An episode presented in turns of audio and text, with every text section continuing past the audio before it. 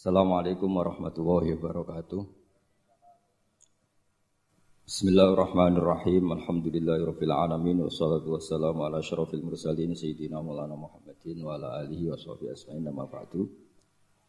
Ingkang sangat kita hormati guru kita bersama Kiai Haji Ulil Albab Arwani wonten para habaib utamanipun Habib Zainal Abidin Al-Kaf Para umarok yang saya hormati ada PLT Bupati, Bapak Haji Hartopo, ada Bapak Kapolres, dan Dim dan yang mewakilinya semua yang saya hormati. E, meneruskan ngaji di Madinatul Ilmi di Habib Bidin. Ini ngaji hiwalah ini, diligerkan. Harusnya ngajinya di Habib Bidin tapi diliger ke Sekda.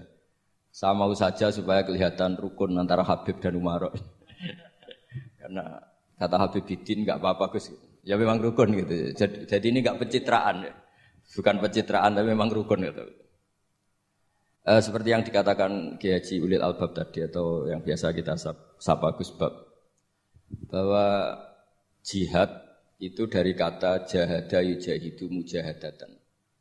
Kalau masdar mujarotnya jahida dan baca jahada jadu jahdan wa jihadan itu maknanya serius menekuni sesuatu.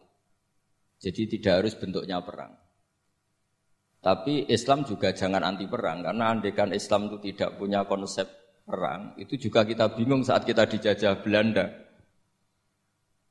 Jadi sesuatu itu pasti akan ada momennya, ada pembenarnya. Disebut kalau dalam fakih muktadul hal. Saya masih ingat beberapa cerita lesan. Dulu perang itu harusnya 7 November. Bung Tomo datang ke Mbah Hashim. Tapi kata Mbah Hashim jangan kata. Kiai bagian nyeblok no pesawat turun teko. Walhasil nunggu Ki Abbas dari Buntet Pak Kapolres itu doanya spesial untuk menjatuhkan apa? Pesawat. Saya kebetulan banyak kenal sama cucu-cucu Ki Abbas Buntet. Tanggal 10 datang terus perang dimulai. Dan itu menjadi perang sejarah karena jenderal dari apa Belanda ya, dari Inggris. Ya. Itu sampai meninggal. Jadi siapa Malabi ya? Jadi intinya Anda jangan berpikir bahwa negara ini didirikan hanya oleh Umarok. Bahkan sebelum ada negara yang sudah ada itu ulama. Dulu para wali songo sampai para kiai era kemerdekaan itu sudah membentuk satu komunitas. Di situ ada ketua pondok, ada bendahara, ada macam-macam. Sehingga kiailah yang bisa menggerakkan publik untuk melawan Belanda. Karena kiai ini juga yang megang otoritas publik. Ketika seorang Basim Asyari memfatwakan jihad itu berdoa, maka semua orang berpikir harus jihad. Melawan kehadiran Belanda. Atau penjajah mana saja. Tapi itu satu sisi ya. Di sisi yang lain, bahasa Arab itu ada sisi uniknya. Kalau menamai penjajah itu musta'marin atau al-isti'mar. Isti'mar itu meramaikan dunia. Karena memang bangsa kita dulu itu ya aneh. Tapi nak zaman kerasani teman-teman ya kualat itu babai jenengan. Kita ini dulu memang ya agak aneh. Belanda itu sudah penjajah, tapi sama buyut-buyut kita dipanggil Doro. Bisa kamu bayangkan kiai saat itu untuk mengingatkan masyarakat pentingnya melawan Belanda. Wong manggil Belanda saja Doro tuan. Terus kemudian kita berfatwa melawan Doronya. Jadi benahi ilmunya saja wis sak penggawean kira-kira gitu. Jadi ngelola orang bodoh itu ya kangelan. Enggak dikelola itu bangsa kita, dikelola itu ya rodok goblok banget. Wong undang penjajah apa? Dor. Jadi itu PR besar. Tapi kiai itu punya seni untuk memberi penjelasan.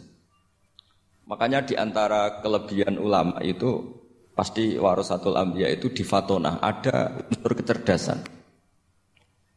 Cerdas itu seni mengelola pikiran manusia itu namanya cerdas. Makanya saya berkali-kali kalau ngaji harusnya orang itu semuanya itu pengagum ilmu, jangan pengagum fakta, ini pengagum ilmu. Ya saya berkali-kali mencontohkan kalau anda suami yang miskin, nggak punya uang, terus pulang dimarahin istri karena tidak punya uang atau kerja tidak sukses, harusnya kamu bangga. Anda juga kan yang berteori kalau suami nggak pecus itu pasti dimarahin. Gitu. Nah, ketika menjadi fakta harusnya Anda syukur bahwa ilmu Anda itu benar. Gitu. Jadi pas istri marah, wah alhamdulillah ternyata teori saya ini benar itu. Ini lucu kan, teori Anda mengatakan demikian, tapi pas menjadi fakta Anda tidak siap. Nah, begitu juga menyangkut penjajah. Belanda itu sudah maju, Eropa sudah maju, Indonesia negara yang terbelakang. Di mana-mana terbelakang itu menjadi objek penjajahan.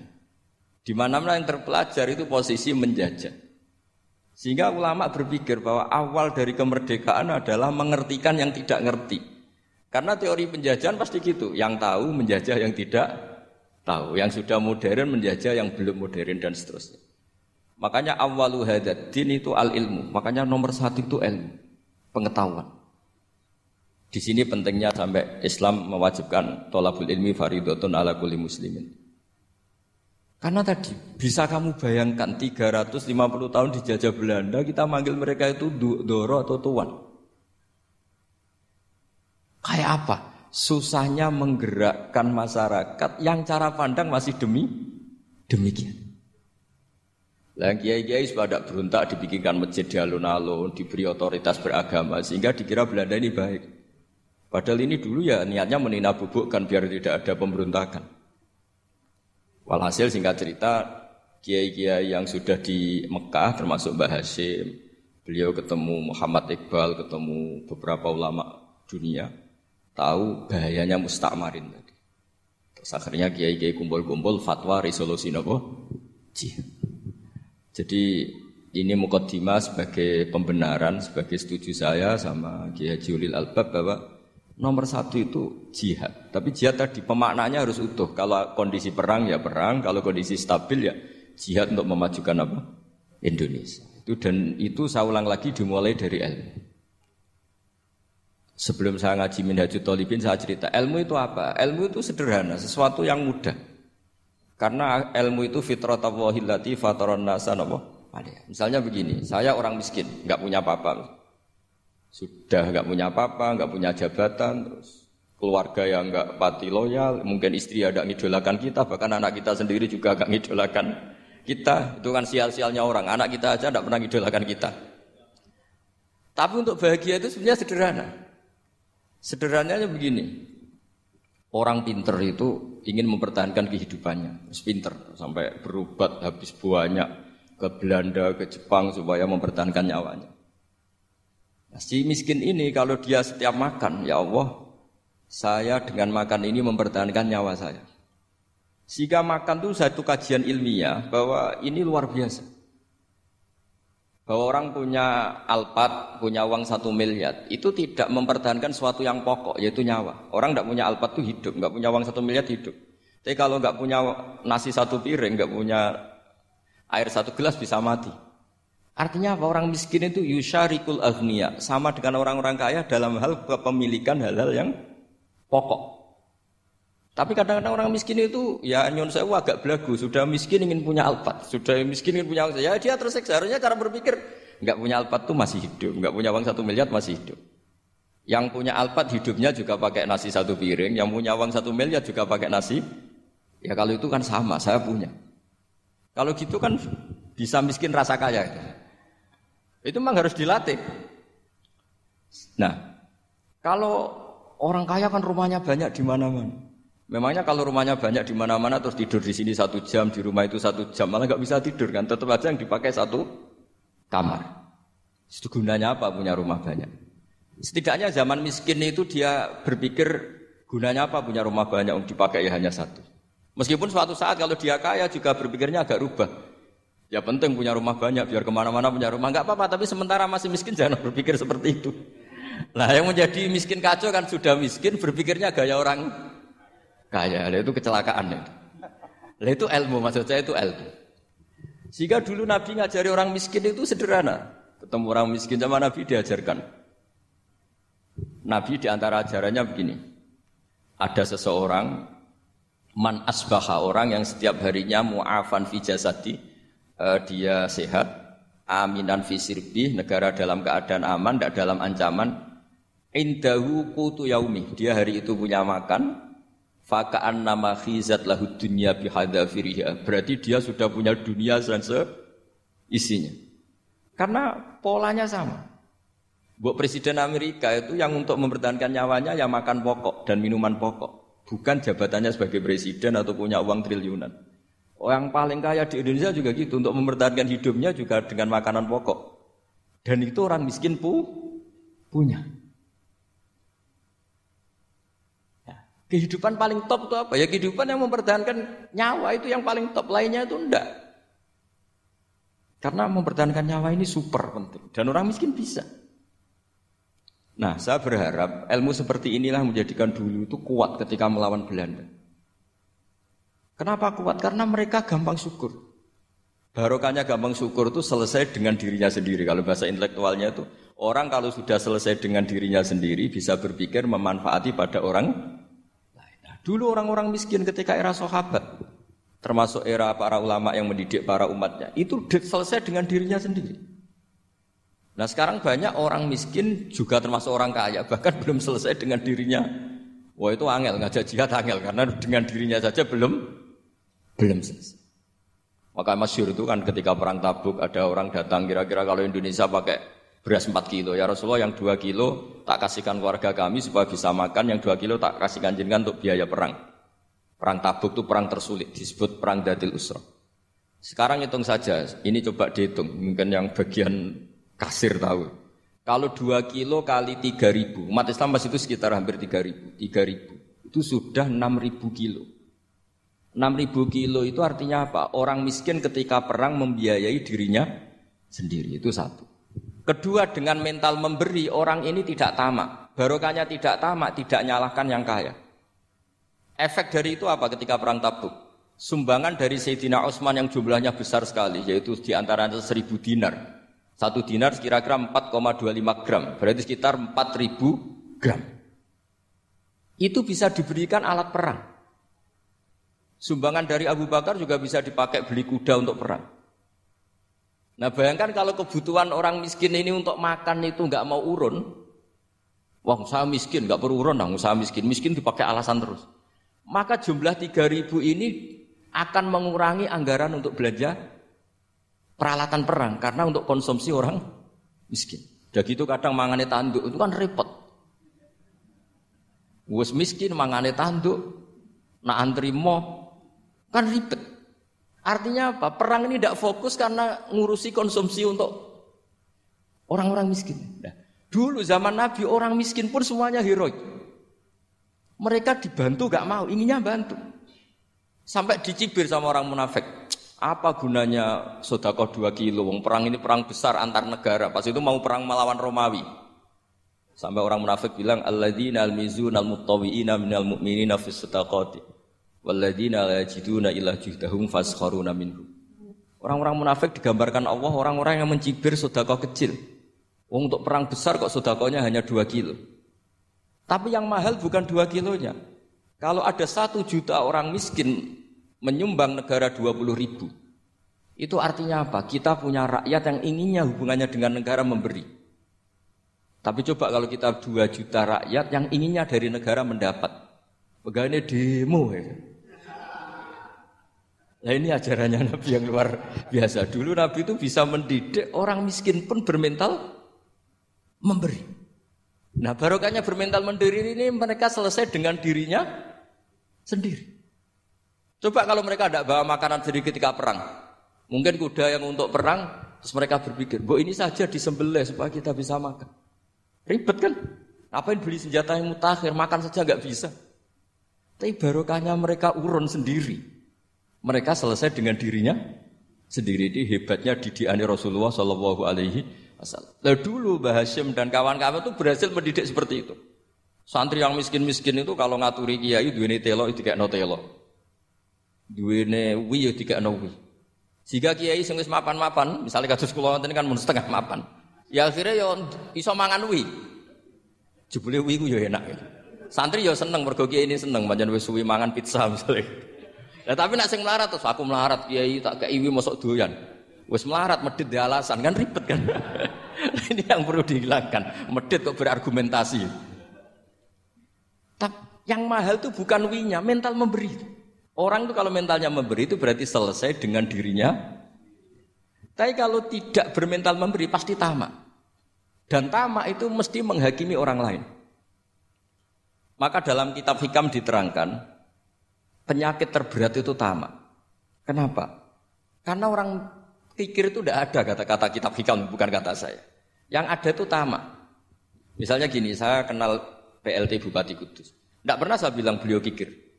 Tapi sekali saya pernah mengajukan proposal tidak kesampaian. Wah, beliau medit. Jadi saya menfonis medit itu sebetulnya ya karena punya keinginan tidak kesampaian. Coba kalau ndak, bom medit orang serap penting. Misalnya anak-anak muda sama orang-orang cantik di Jakarta, pernah nggak kamu bilang itu sombong enggak kan? Setelah kamu bilang, Mbak aku ingin kenalan Mbak sampeyan, terus dia agak mau, baru kamu bilang sombong karena keinginan kamu enggak. Nah, bayangkan kalau orang bermental tomak, kayak apa bangsa ini? Nah, sahabat itu dididik oleh Nabi, tomak itu selesai karena keinginan mereka member, memberi. Sehingga Indonesia bisa merdeka begini itu barokahnya didikan ulama, semuanya ingin memberi. Dulu belum ada negara, tentara-tentara kemerdekaan kalau di kampung-kampung itu ya dibiayai donatur-donatur. Termasuk bahasa saya, bu saya dulu. Itu berapa ton aja beras untuk pasukan Hizbullah, pasukan TNI. Di Aceh ada Dawud berih, ada yang baca berueh. Jadi baca aja kayak kira asap ada yang berih, ada berueh. Saya juga gak tahu orang Aceh kalau baca berih. Nyumbang berapa emas untuk kemerdekaan Indonesia. Yang Kesultanan Jogja Legowo. Jogja tidak lagi negara tapi diberikan bagian dari Indonesia. Indonesia dan seterusnya. Nah, jadi semua ini barokahnya didikan Rasulullah Shallallahu Alaihi Wasallam yang diteruskan para ulamanya bahwa nomor satu didik masyarakat itu bermental memberi. Dengan bermental memberi apa pun kecilnya ini selesai dengan dirinya sendiri. Kalau sampean nggak punya mental memberi nanti pulang dari Pemda, oh so acara kabupaten berkata ini tok ribet itu. Awas itu, bar ngaji langsung lali berarti sampean. Sudah kalau nggak urun ini sudah luar biasa, nggak urun untuk berkat itu sudah luar biasa. Jadi itu yang makanya Nabi itu Quran dimulai wa mimma rusaqnahum apa? Yunfikun. Quran mengajarkan bermental memberi yunfikun. Nabi berkali-kali ngulang al yadul ulya khairum al yadis sufla. Dan memberi itu tidak harus nunggu kaya. Gambarannya Quran tentang orang baik itu gimana? Alladzina yunfikuna fis sarra wadorro. Bukan fis saja, ketika wadorro juga. Saya pernah guyon sama orang kaya di Jakarta. Dia uangnya miliaran, mungkin malah triliunan. Guyon sama saya, Gus saya ini sudah sekian bangun masjid di mana-mana. Saya ini berarti hebat. Enggak kata saya. Enggak ada masjid agama tetap jalan kata. Karena di kampung-kampung sudah banyak. Sudah banyak masjid kata. Masih keren tukang becak kata. Kok bisa Gus? Sampai nyumbang masjid satu miliar, itu masjid apa kata? Ya masjid-masjid besar. Nah itu paling dipakai kubah atau menara atau apalah yang tidak mendesak. Tapi kalau orang miskin ngutangi orang miskin itu kalau nggak utang hari itu nggak makan. Kan nggak mungkin tukang becak ke utang ada bank atau orang kaya raya kan kenal saja ndak. Mesti orang miskin utangnya sama orang miskin. Saya kalau orang kaya utang Habib Bidin mesti mau beli Innova. Karena level orang elit jadi utangnya itu beli Innova, aksesoris Innova, seri terbaru. Tapi kalau orang miskin sama orang miskin utangnya itu beras untuk nyawa. Ya. Artinya apa? Kalau saya diutangi Habib Bidin untuk beli Innova itu ganjarannya itu sekunder. Tapi kalau sesama orang miskin itu ganjarannya primer. Keren mana? Hutang-hutangannya orang miskin sama orang kaya. Satu menyelamatkan nyawa, satu menyelamatkan citra. Dia baru sadar, ternyata orang miskin lebih hebat ketimbang saya, lebih hebat, tapi tidak usah ditiru kata saya. Cuma dia menjadi tidak sombong sekian miliar yang disumbangkan ke masjid karena dia menjadi tahu ternyata itu tidak bangga. Nah, kecuali masjid-masjid yang kamu nyumbang memang masjid masjid perintis di daerah-daerah yang belum ada masjid. Kalau masjid-masjid besar itu kan kadang kebutuhannya sudah selera, bukan pokok. Tidak saya ini cerita ya, jadi supaya orang tahu lah. Zaman Nabi itu orang sudah selesai semua dengan dirinya sendiri. Jadi saya maksud saya Islam nggak apa-apa tanpa masjid itu masjid yang sudah sifatnya selera. Indonesia kan masjid sudah sifatnya selera semua. Yang dikatakan masjid pokok kan yang dipakai sholat bisa, dipakai alat sesuci bisa. Tapi kalau sudah selera ya pondasinya harus begini, lampunya harus dari kristal, terus kubahnya itu sudah selera.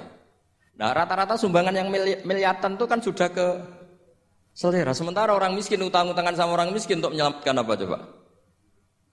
Nyawa. Artinya para orang miskin jangan kecil hati, wah saya sudah kok hanya dua kilo, tapi dua kilo nyawa. Dan itu pahalanya luar. Nah ini ilmu saja. Nah, kiai itu berhasil seperti itu sehingga orang-orang miskin dulu tuh rumah tentara itu ya nganggo wi, nganggo telo, bahkan ada yang pakai apa itu Pak Hartopo itu pisang itu, ya, arasnya pisang itu, bronggolnya pisang sudah dipakai saja Pak tentara. Tentara di mana-mana bisa makan. Coba kalau yang ngamal yang kaya itu tidak cukup. Tapi barokahnya yang miskin juga ikut ngamal itu cukup karena yang miskin itu mayoritas. Jadi didukung kaum miskin itu pasti menang lah kan kira-kira gitu. Karena di mana-mana orang miskin itu banyak. Menemukan orang kaya itu nyari data. Kalau menemukan orang miskin seketemunya pasti ketemu. Dan orang miskin ini dididik ulama untuk berkontribusi. Sehingga banyak tentara ketika dicari Belanda pura-pura jadi petani. Ini juga yang menyelamatkan orang miskin. Nah, ulama dulu itu orang paling sukses mensuasanakan seperti itu. Nah, itu yang diceritakan di perang Tabuk mimpa di maka tayazihu qulubu fariqim. Jadi perang Tabuk itu perang di antara yang paling diceritakan Allah berkali-kali apa? Ya Rasulullah tadi malam saya memburuh dan ini dapat dua sok ya kira-kira berapa kilo lah. Yang separuh untuk keluarga kami, yang separuh saya sumbangkan ke jenengan. Lu coba perang antar negara hanya menyumbang dua kilo beras, bayangkan. Tapi nilainya bukan dua kilo. Kalau dua juta rakyat Indonesia nyumbang dua beras, artinya hubungannya dengan negara hubungan ingin memberi. Dan barokahnya hubungan ingin memberi. Orang pati kecangkeman toma, orang pati kakean menuntut. Ini yang mahal itu itu yang nggak ternilai itu itu. Dan itu menjadi kekuatan yang luar biasa sehingga umat Islam bisa mengalahkan pasukan Romawi. Nah Indonesia dulu kira-kira seperti itu prakemer Ya itu saja sebagai mukaddimah hari santri. Terusnya ngawas minjajud dolibin. Ini sudah sampai bab salam. Kemarin bab sujud, sekarang bab bab salam. Eh, bismillahirrahmanirrahim. Wathani asyara assalam. Ya kita tahu secara i'rab kalau sani pakai i'rab isim mangkus, tapi untuk asyara tetap mabni nasab. Mabni fathah maksudnya. Jadi semua ulama ngendikan adat mulai ahada asyara sampai tis'ata asyara tetap berstatus mabni apa? Fathah. Sehingga di Quran ini roa itu ahada asyara kaukaba. Terus di beberapa di surat Mudassir alaiha tis'ata asyar. Tetap padahal itu jadi mubtada muakhir. Berarti alaiha itu tetap yang ngatasin rokok tis'ata asyara utawi songolas. Tetap bacanya bukan tis'atu asyarin tapi tis'ata asyara. Jadi kita tahu secara hukum nahu adat mulai ahada asyara sampai tisata asyara itu mabni napa? Fathah. Cuma khusus sani asyar yang saninya ini berstatus mangkus karena ada yaknya itu.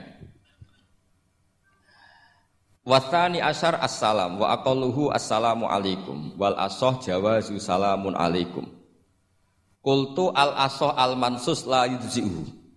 Jadi ulama itu ya lucu. Yang satu bilang al asoh boleh salamun alaikum tanpa al.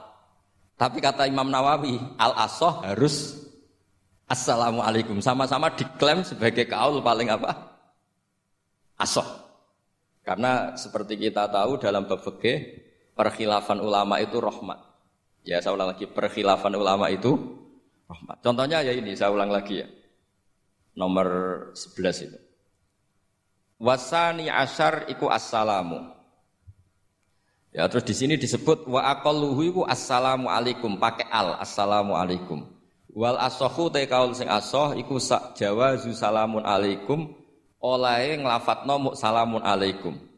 Terus kultu Dewi Imam Nawawi al asoh al mansus la yujzi'uhu. Wallahu a'lam.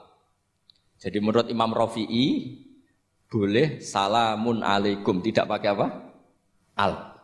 Itu juga diklaim sebagai al-asoh. Tapi menurut Imam Nawawi yang al-asoh harus assalamu alaikum tidak boleh salamun alaikum. Terus wallahu a'lam wa annahu la tajibun niyatul khuruji. Jadi ketika Anda salam tidak harus niat keluar dari apa? Salat. Dengan kamu salam berarti otomatis keluar dari apa? Sholat. Nah ini menjadi problem menurut pemikiran banyak ulama karena ketika masuk sholat harus niat masuk sholat. Karena ketika kita takbir kan bisa takbir demo, Ya kan? Kan macam-macam kan? Makanya untuk membedakan itu kan niat. Memang ini kata ulama, bukan kata saya. Sekedar melafatkan takbir ini kan demo ya takbir. Kamu kagum sesuatu juga takbir. Orang Indonesia itu kadang orang nggak sholat pun bilang subhanallah memang sudah jadi bahasa nasional. Kalau kaget tuh bilang, saya punya kenalan Cina itu kalau punya uang ya mohon alhamdulillah. Tak tanya kok bilang alhamdulillah. Orang-orang Islam tuh kalau seneng bilang alhamdulillah. Yang ribet itu kubu sebelah. Kalau orang NU mau layasol itu mana tanya, Gus itu doa orang makan. Kok, kok bisa? Biasanya orang NU kalau makanan sudah keluar mau layasol, ribet. Aduh repot itu. Jadi kadang-kadang wiridan itu sudah jadi bahasa nasional. Jadi Cina orang nggak sholat tuh kalau punya uang ya bilang Alhamdulillah. Kadang orang yang nggak sholat tuh tanya, datang ke saya, insya Allah. Ya ribet, makanya ulama itu berdebat. Lafat-lafat seperti ini itu apakah wiridan, apa adat. Nah, untuk membedakan adat dan yang lain maka dibutuhkan niat. Makanya Allahu Akbar harus niat untuk masuk sholat. Nah normalnya salam juga harus niat keluar sholat biar karena masuknya niat ya keluarnya harus niat itu menurut sebagian ulama. Tapi sebagian yang lain enggak lah kalau selesai tidak perlu niat. Tapi tadi sebetulnya ada problem. Jangan-jangan salam ini salam adat. Kebetulan ada temannya masuk terus bilang assalamualaikum nanti temannya jawab waalaikumsalam. itu ada kisah nyata. Ini memang naif betul ini. Ada orang alim sholat. Nah, ketika ada yang mau lewat itu kan dihadangi begini ya. Jadi dihadang gini ya itu hebidin. Yang lewat tuh karena saking nggak pernah yang ngaji malah tidak salaman. Kagetnya bukan main itu. Ada orang sholat, ada orang mau lewat. Kan kesunatannya dihadang begini. Sisi ini santai saja malah ngajak salaman. Wes ribet ngadepi orang tidak tahu itu ribet. Ya tambah bingung kan, diliwati saja bingung apalagi sekarang diajak diajak salaman. Kan memang nggak sambung kulturnya itu nggak nggak sambung. Ya itu kalau dia bilang assalamualaikum terus pikir kamu waalaikumsalam. Ya ribet memang ngadepi orang tidak tahu itu ya ribet. Makanya ya agama ini ngelola agama ini memang. Nah barokahnya ngaji fikih itu beginilah. Saya sering cerita. Misalnya kita apal fikih, takbir itu wajib, rukun. Tapi bentuk ngangkat tangan itu sunnah. Itu barokahnya masya Allah. Andai kan kita menentukan kefiahnya, mungkin kita sok suci. Itu pernah ada peneliti cerita ke saya, Gus saya itu orang NU itu pusing. Kenapa? Takbirnya beda-beda. Ada yang terlalu semangat, Allah Akbar. Apalagi yang was-was, wah itu semangatnya Masya Allah. Malah ada yang tanya, itu takbir berkali-kali itu madhab apa? jadi orang was-was cobalah bertobatlah itu jangan sampai jadi madhab baru. Kalau yang was-was orang bodoh gak masalah. Coba kalau dia orang alim alama, nanti muridnya juga niru. Oh ternyata takbir yang satu tiga kali itu. Oh ternyata takbir yang saya itu tujuh kali. Itu kalau dia jadi imam. Kalau dia jadi makmum nyampai ini pinggirnya. Sampai pinggirnya takut kan bulan baleni. Ada yang kayak orang nggak punya uang. Allah Akbar tangannya diangkat separuh saja ndak. Itu kan tapi itu ndak ngefek di Indonesia karena dari awal kiai-kiainya ngajarin ngangkat tangan itu sun. Nah, caranya juga agak ditentukan, terserah kamu. Begitu juga mau sisikan tangan itu juga sunat. Sehingga kalau sampai ke Turki atau ke mana-mana itu ada yang kayak orang baris. Ya kan? Babis takbir ya sudah. Ada yang sendakap. Sendakapnya beda-beda. Ada yang nutupi iga yang hilang katanya. Sampai begini. Ada yang santai begini. Oh pokoknya gak jelas. Sehingga itu kalau di militer ini ada Pak Dadim itu juga bingung ini. Nggak, nggak, nggak protap ini kan. Tapi kalau di di fakih itu memang kalau sekali gak diwajibkan terserah masing-masing. Ada yang kayak orang baris, ada yang sendakep begini, katanya apa? Nutupi iganya yang hilang. Wadah yang sambil rasa-rasa, macam-macam. Tapi barokahnya ilmu fikih itu diputuskan memang dari awal tidak wajib. Yang wajib itu takbirnya. Maka duduk juga begitu, meskipun kita sepakat duduk tahiyat ula, namanya iftiros, duduk tahiyat akhir namanya tawarruk, itu harus kita fonis, kita hukumi sunnah. Cara seperti itu sunnah. Wa ayu qu'udin ada sohat solatu seperti kemarin di Minhajul Talibin. Dengan duduk gaya apa saja, solatnya tetap. Sehingga kalau kita di Arab, misalnya pas haji, orang Arab itu memang ya agak kacau. Orang Indonesia itu kalau sholat duduk itu kan memang benar-benar sakit. Sakit sudah agak mau mati itu benar-benar sholat baru duduk. Orang Arab itu enggak. Sholat duduk pakai kursi. Soft itu enggak ada orangnya, ada kosong. Itu jalan kaki, kursinya di bawah. Wong bawa kursi kuat kok sholat duduk. Kalau orang Jawa kan, saya juga eskal. Orangnya, kalau bawa kursi kuat pindah-pindah tapi kok sholatnya kalau orang Jawa agak kebayang, kalau sholat duduk emang bener-bener sakit. Terus saya pernah ditanya lagi sama orang, Gus, di Mekah itu kok banyak orang bawa HP, terus kalau ditelepon diangkat soli, itu madhab apa? Madhab geblek kata saya. Tapi ini kan orang Arab, kan seakan-akan terus mewakili internasional kan, karena pusat banyak tuh. Ditelepon, digulai teleponnya, wong saya wakil, gulai ini tok kangelan ya. Warang ketemu soli, paten. Nah, kita akan diajarin di GG Indonesia kalau itu membatalkan apa? Sholat. Jadi ribet. Nah, barokahnya kitab-kitab seperti ini, meskipun kita di Indonesia itu mengikuti panduan yang diarahkan atau yang dibagukan oleh ulama-ulama. Nah, Indonesia itu makanya berkah. Saya sering ketemu ulama Mekah itu kalau muji haji Indonesia luar biasa. Bukan sekedar sopannya, memang cara hajinya itu nyari kaul yang disepakati itu sah. Karena memang dilatih KBIH, dilatih kemenang, masih dilatih kiai setempat. Meskipun niatnya ya kadang tidak baik.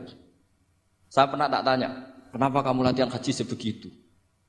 Kalau sholat kok enggak? Sholat gak sah gak apa-apa, Gus gak bayar, ini kaji. Oh ternyata Kemudian itu sholat bedino ratau kursus baik kulol. Bareng apa kaji oleh takok tenan tak takoi. Oh sholat kira tahu takok nak kaji kok takok. Nak sholat rasa gak iman Gus gak bayar iki haji. Wah, sebenarnya kurang ajar kata saya. Jadi ternyata sekarang terkuak. Kenapa orang-orang awam tuh kalau kaji kok semangat belajar? Semangatnya sama dengan sholat apa di bawah haji jauh sholat itu? Berpuluh-puluh tahun sholat itu dengan gaya yang nggak ada perkembangan. Tapi haji pisan langsung keren. Ternyata karena bayar ya. Apa perlu ditiru? Sholat harus bayar supaya ini supaya. ya itu alasannya itu. Haji rasa berat Gus, apa? Bayar Gus. Nak sholat rasa enggak bayar wae maksudnya. Padahal kalau kita ngikuti as-sholat imaduddin, sholat dengan haji itu afdal mana? Afdal sholat, harusnya lebih serius belajar sholat ketimbang belajar haji. Tapi setahu saya nggak ada kan KBIS itu kelompok bimbingan ibadah sholat. Jadi ini ini kritikan saya, semoga didengar ya. Coba lah. Padahal ini Raden Asnawi di Karang pesolatan. Supaya orang itu sholatnya benar, ya sholatnya benar. Ya jadi ngaji fakih seperti ini setidaknya Anda menjadi tidak mudah mengadili orang lain. Bahwa Sholat itu yang takbir tok yang wajib. Misalnya baca ya fatihah tok. Sehingga kalau ada imam lupa baca surat ya gak apa-apa memang dari tidak wajib. Jadi pemilahan wajib dan tidak ini penting supaya tidak menghakimi pada yang lain. Jangan sampai perilaku kesolehan itu menjadi bentuk yang mengadili. Enggak boleh. Itu itu Pak Kapolres kalau di ilmu fikih itu ada ulama penjaga ilmu itu ekstrim-ekstrim. Dulu ada sahabatnya Nabi namanya Jabir bin Abdullah. Ini ada di kitab Bukhari. Di kitab Sholat. Ya maksudnya al ilmu tentang sholat. Itu semua yang di masjid itu sudah pakai jubah. Pakai gamis. Kalau orang Indonesia mungkin ya pakai hem, pakai baju batik, pakai.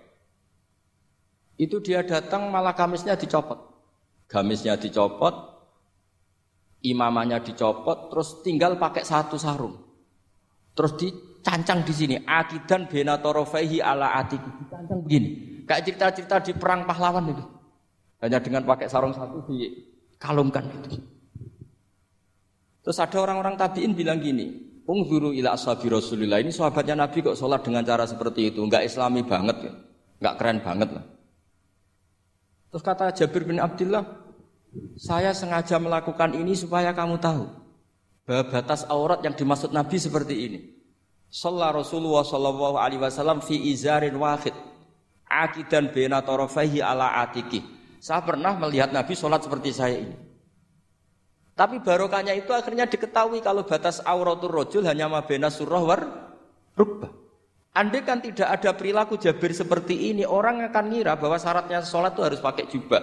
Syaratnya sholat harus pakai hem. Akhirnya orang-orang yang kebetulan tidak pakai jubah, tidak pakai hem, bingung. Misalnya dia katoan seperapat, pakai kaos. Neng tengah hutan, ah rasa sholat, ngaku ranggo jubah. Ribet kan? Artinya apa? Ilmu ini harus dijaga konstitusinya, barokahnya perilaku Jabir ini, orang tahu batas au, aurat. Jadi yang lainnya itu mukamilah atau kesun, kesunatan. Nabi juga seperti itu. Semua sahabat itu tawaf itu musyatan, berjalan. Tapi Nabi sebagai tokoh dan pas itu sehat. Saya ulang lagi pas itu sehat. Ini hampir semua ulama bilang pas itu Nabi sehat. Nabi malah naik unta. Itu kata Imam Nawawi dalam kitab Masbu. Nabi naik unta itu lebih afdol ketimbang yang jalan. Padahal trennya ibadah kan al-ajul bi kodrit tak. Karena apa kata Imam Nawawi? Itu menjadi konstitusi ilmu bahwa syarat sahnya tawaf tidak harus jalan. Andaikan Nabi saat itu kok ikut jalan, maka dikira di antara syarat sahnya tawaf harus jalan. Maka kita kebingungan ketika pakai kursi roda karena tidak punya rujukan hukum. Jadi barokahnya Nabi pakai berkendara, orang menjadi tahu oh itu berjalan itu tidak menjadi syarat sah. Berkendara juga boleh. Ya ada juga sahabat yang sengaja omong-omongan, maksudnya tawaf kan kudune meneng wiridan, tapi ada aja omongan. Untuk menunjukkan kalau ngomong itu tidak membatalkan Sampai seperti itu ulama menjaga konstitusi ilmu.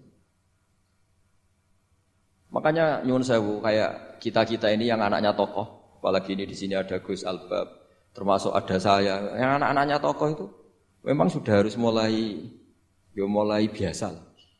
Karena dulu kalau soleh kebanget, itu yo ngel-ngel orang. Abu Bakar saya tak cerita Abu Bakar tuh soleh banget.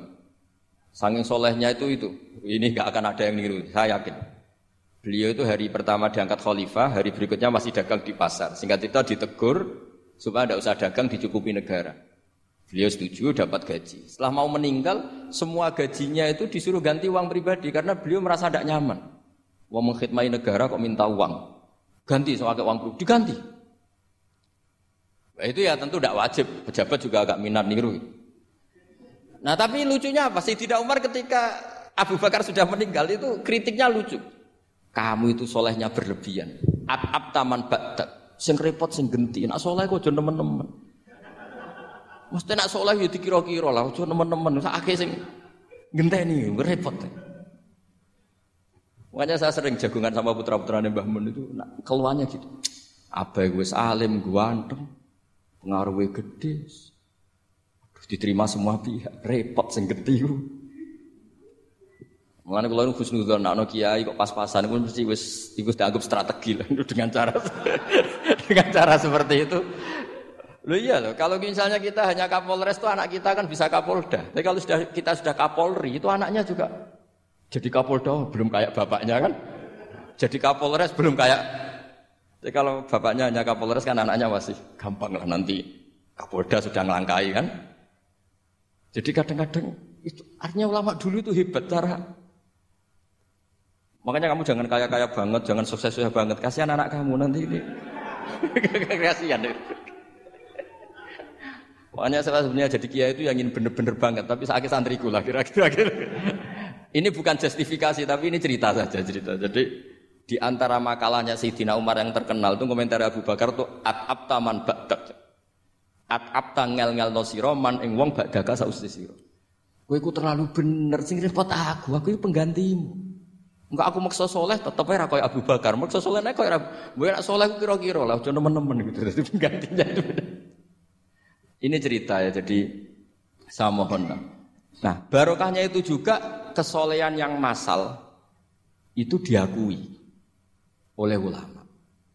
Termasuk begini misalnya nyuwun sewu, Nabi itu menyebut kesolehan itu ya termasuk wafi buti ahadikum sodako. Kayak ngeloni bojomu ya sodako. Ayati ahaduna sahwatahu wa walahu ajrun. Masa urusan gitu dapat pahala ya Rasulullah? Jawab Nabi enteng. Ali salawatu aha fi haramin akana alaihi wisrun kalau dia begitu sama selain istrinya kan dosa.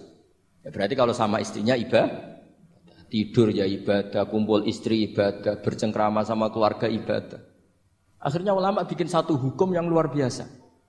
Di antara hukum yang di kitab usul fikih itu begini. Mubah itu udah ada. Itmamin mubahin illa wa yatahaqqaqu bihi tarku haramim ma. Fa'il zamu minas sukun tarkul qatli wa minas sukut tarkul qadzaf wal ghibah. Sehingga kita-kita ulama misalnya melihat orang kampung sekatoan seperapat ning omah ngomel mbek bojone, mbok ngomel mbek anake, ini luar biasa karena tidak di diskotik, tidak di tempat-tempat yang seperti itu. Ono wong ning omah nglamun rokokan, delok delok tikus liwat misal. Es lumayan ra delok gambar porno. Itu ada ulama yang berpikir itu karena tidak ada sesuatu yang mubah kamu lakukan kecuali saat itu Anda meninggalkan kehara keharaman. Makanya kata ulama, mubah itu tidak ada. Karena saat melakukan mubah artinya Anda tarkul haram.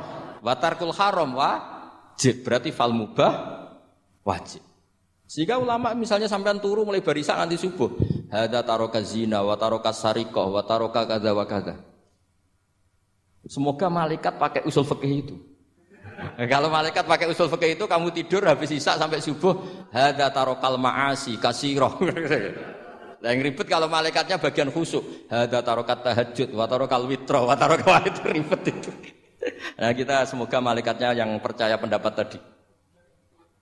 Jadi ada dua pandangan, ada ulama mengatakan mubah itu tidak ada, karena tidak ada orang yang sedang melakukan mubah, kecuali saat itu pasti meninggalkan keharaman. Makanya ini sirinya, kenapa dulu kiai kiai top itu sering jagungan. Orang tahu semua lah, Mbak Zubair sering jagungan, dulu Batur ya sering jagungan di depan masjid Menoro.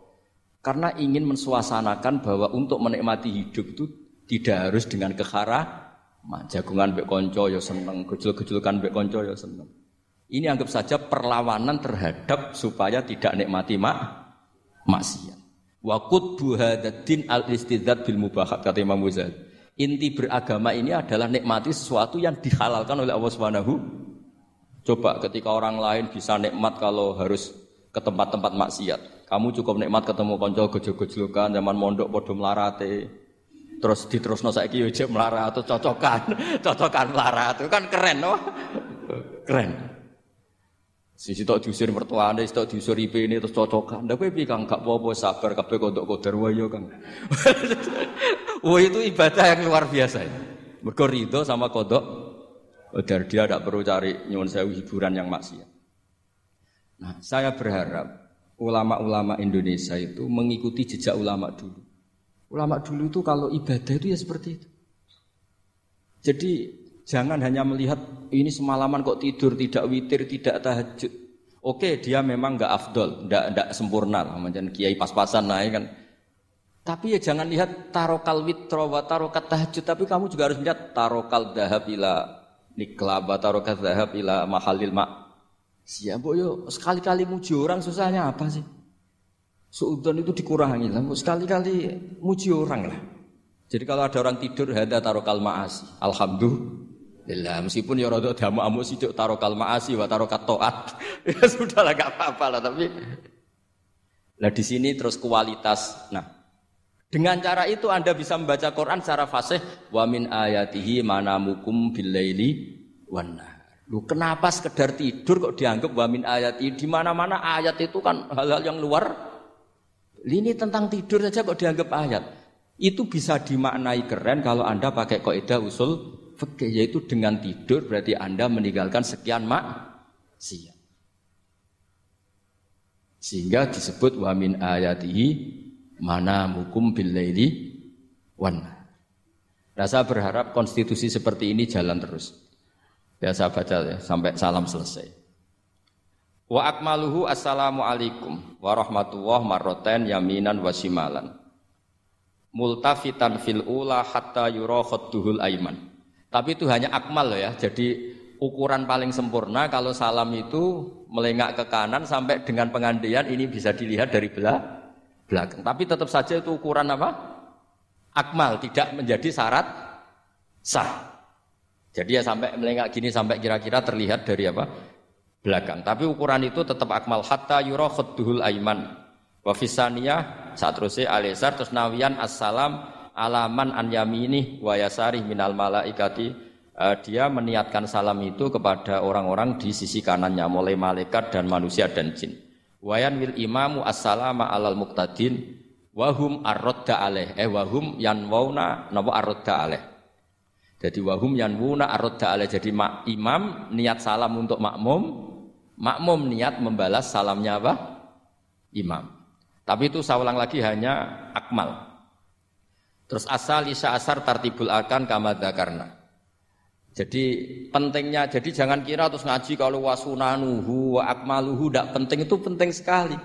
Barokahnya status akmal dan sunnah ini kita tidak mudah menfonis orang lain karena kita tahu ibadah itu hanya berstatus sunnah. Coba kalau nggak ada ketentuan itu, kita akan mudah menyalahkan orang. Salam kok orang melengak belas itu sholat sah atau orang. Padahal dari awal melengah itu statusnya hanya sun, sunnah. Kemudian untuk penutup supaya ini clear ya. Saya pernah baca di Sarah Bukhari yaitu Fathul Bari. Nabi itu kalau setelah salam itu mukbilan diwajihi alal hadirin. Jadi Nabi langsung menghadap ke timur. Andikan Indonesia menghadap langsung ke timur.